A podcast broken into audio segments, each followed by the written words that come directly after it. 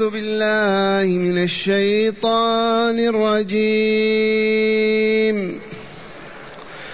كذلك ما أتى الذين من قبلهم من رسول إلا قالوا إلا قالوا ساحر أو مجنون أتواصوا به بل هم قوم طاغون. فتول عنهم فما أنت بملوم. وذكر فإن الذكرى تنفع المؤمنين. وما خلقت الجن والإنس إلا ليعبدون. ما أريد منهم من رزق وما أريد أن يطعمون إن الله هو الرزاق ذو القوة المتين فإن للذين ظلموا ذنوبا مثل ذنوب أصحابهم فلا يستعجلون فويل للذين كفروا فويل للذين كفروا من يومهم الذي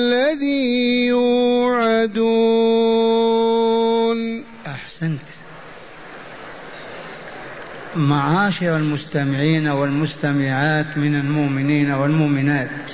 قول ربنا جل ذكره كذلك ما أتى الذين من قبلهم من رسول إلا قالوا ساحر أو مجنون. لما قص تعالى تلك القصص وهي خمس أو سبع آيات من قوم نوح إلى قوم فرعون وما استجاب المشركون ما زالوا معرضين. يتهمون الرسول بالسحر مرة وبالجنون أخرى. إعراض كامل وطغيان وتكبر. فسل الله تعالى رسوله وعزاه ليحمله على الصبر والثبات.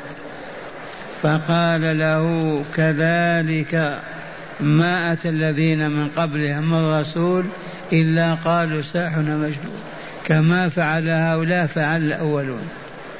ما بعث الله رسولا إلى أمة إلا قال الطغاة والجبابرة ساحر مرة وقالوا مجنون مرة. فلا تحزن يا رسول الله ولا تكرب. أتواصوا به؟ لا والله بل هم قوم طاغون.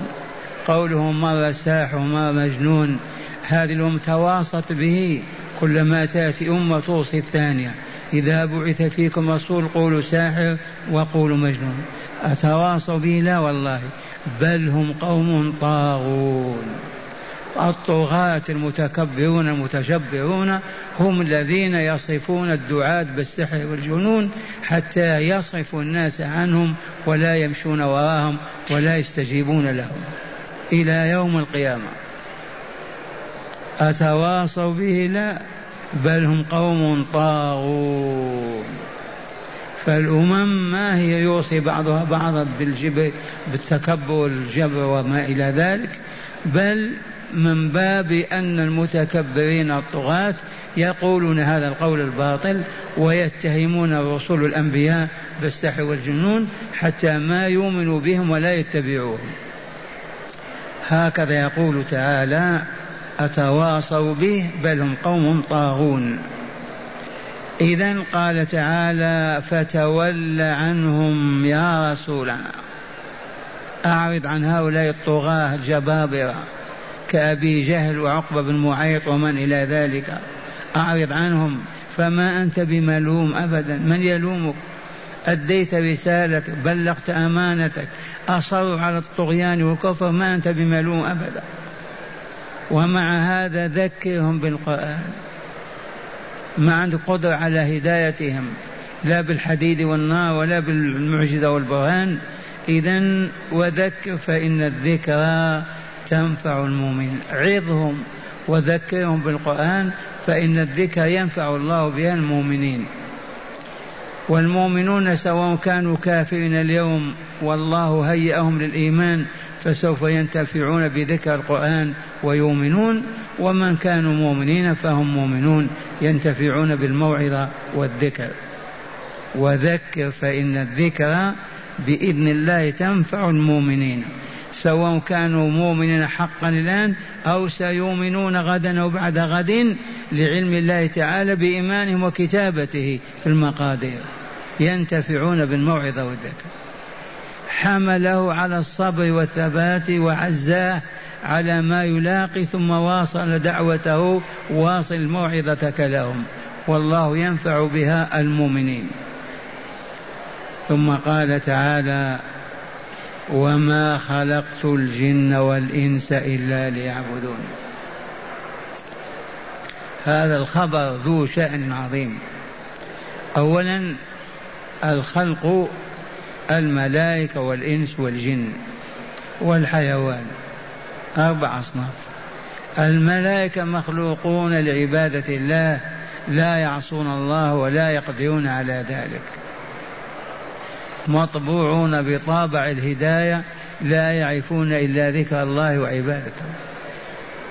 وأما الإنس والجن عالمان عالم الإنس نحن وعالم الجن الذين اختفوا وراءنا وهم يسمعون كلامنا.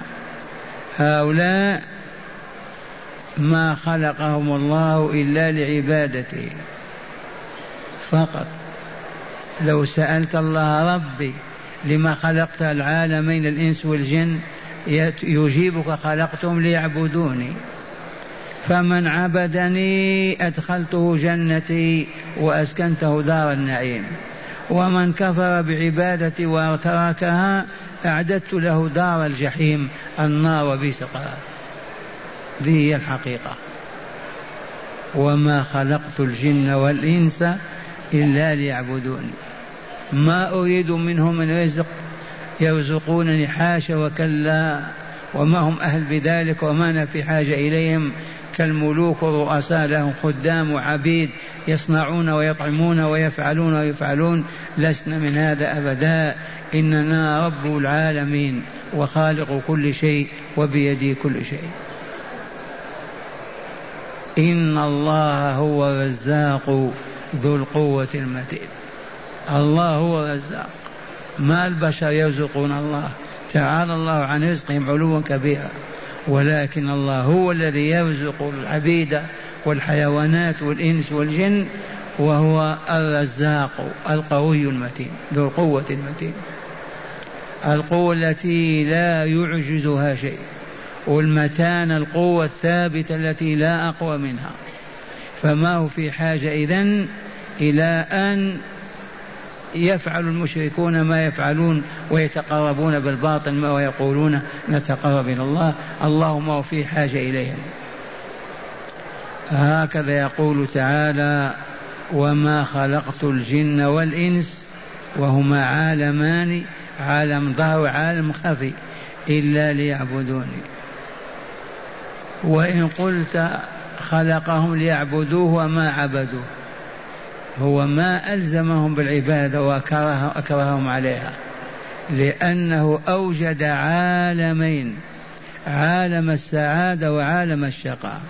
أي الجنة والنار.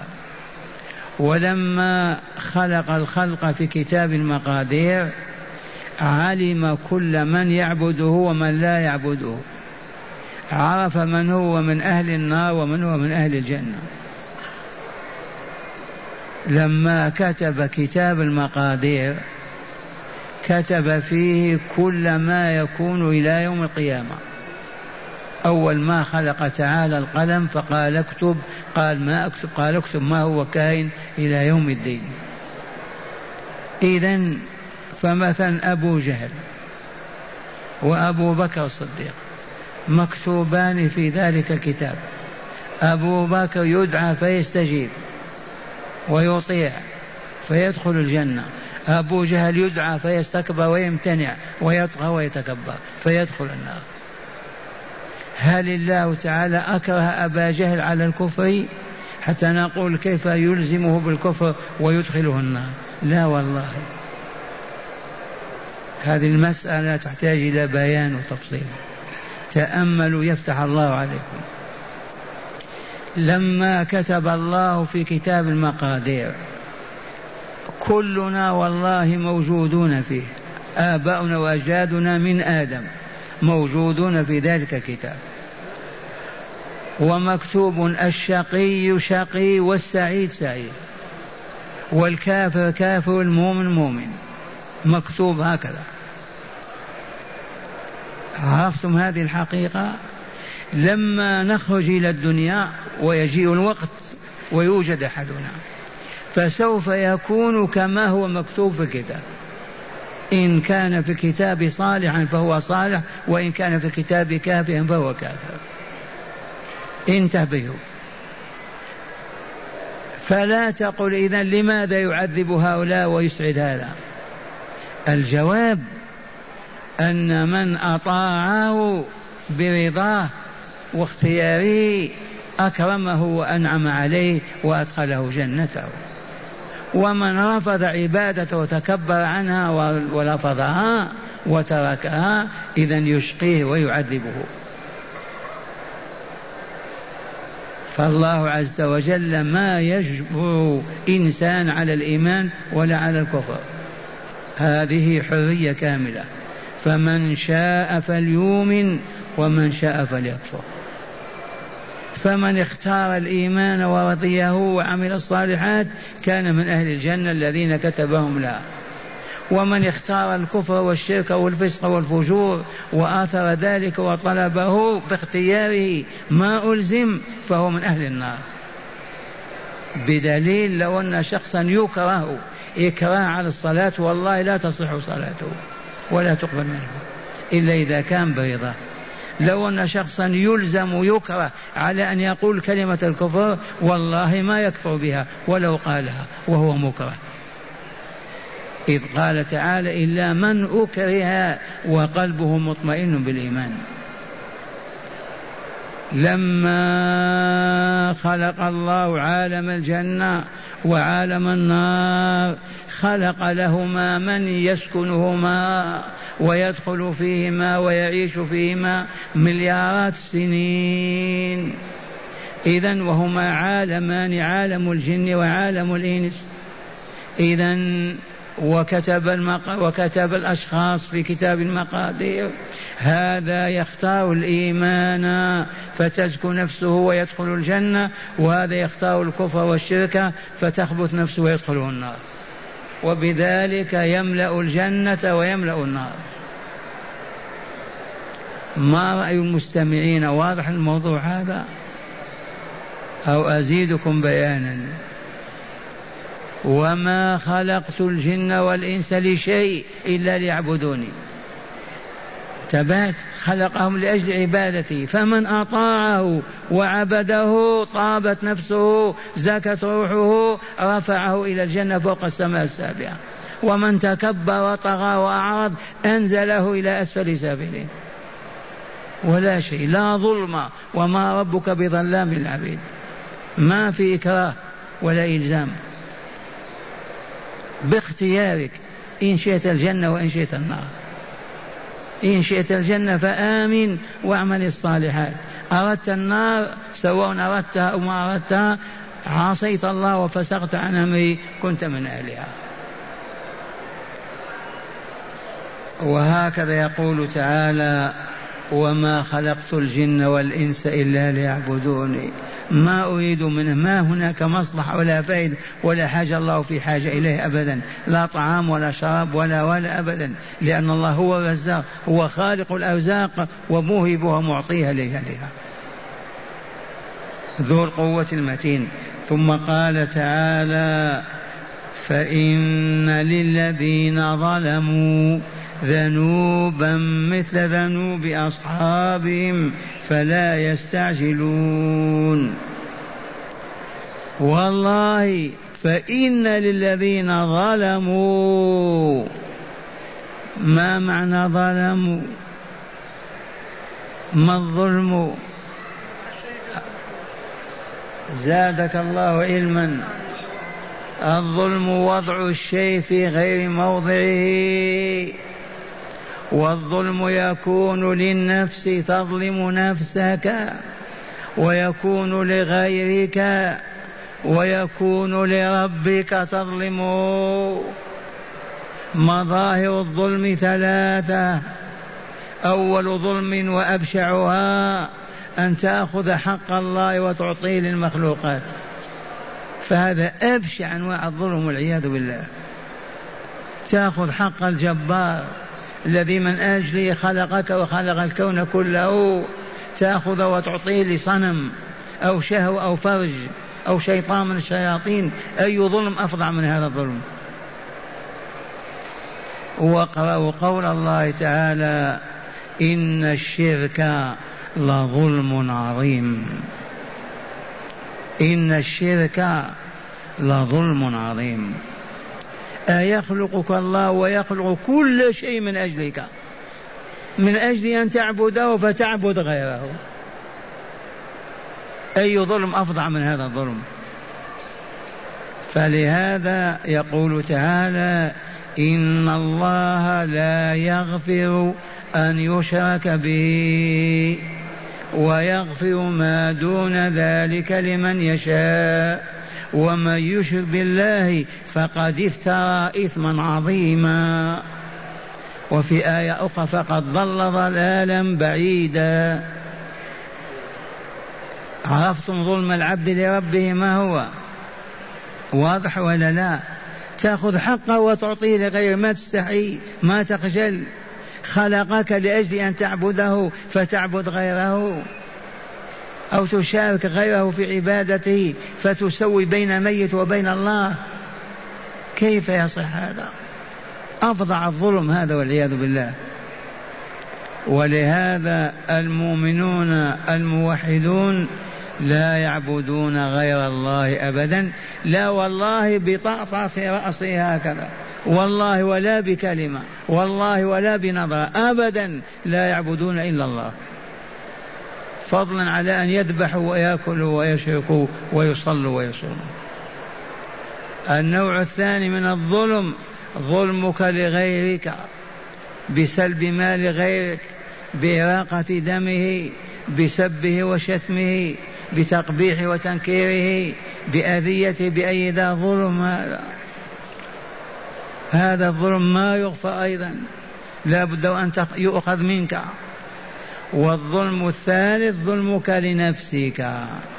بدل أن تعمل على تزكيتها وتطهيبها وتطهيرها بهذه العبادات في أوقاتها مع خشوعك لربك مع أداء العباد على أكمل الوجوه فتصبح النفس زكية طاهرة كأرواح الملائكة تهملها وتصب عليها قناطير الذنوب والآثام. هذا بالزنا وهذا بالربا هذا بالغش هذا بالخداع هذا بالمكر هذا بالكذب هذا هذا هذا هذا حتى تصبح عافنة منتنة. لا يرضاها الله ولا يرضى عنها.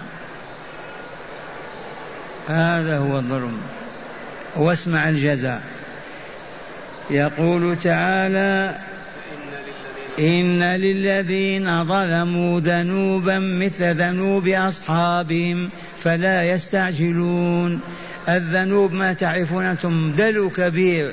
يعرفه العرب أيام كانوا يسقون الماء من الدل من الآبار. ما في عيون. أعطني دلو. إذا فالذين ظلموا بالشرك والكفر بالفسوق والفجور والله لهم ذنب ضربة تضربهم. كما ضربت غيرهم إن للذين ظلموا عرفتم أنواع الظلم الثلاثة ولا لا؟ ذنوبا مثل ذنوب أصحابهم من قبلهم. فلا يستعجلون ما يطالبون بالعذاب. لأن المشركين في مكة كانوا يعاندون ويطالبون هات العذاب أنزل العذاب الذي تخوفنا وهكذا يقولون. والآن يقول الفساق والفجار أيضا. فيقول تعالى فإن للذين ظلموا ذنوبا مثل ذنوب أصحابهم فلا يستعجلون كمن سبق من الأمم.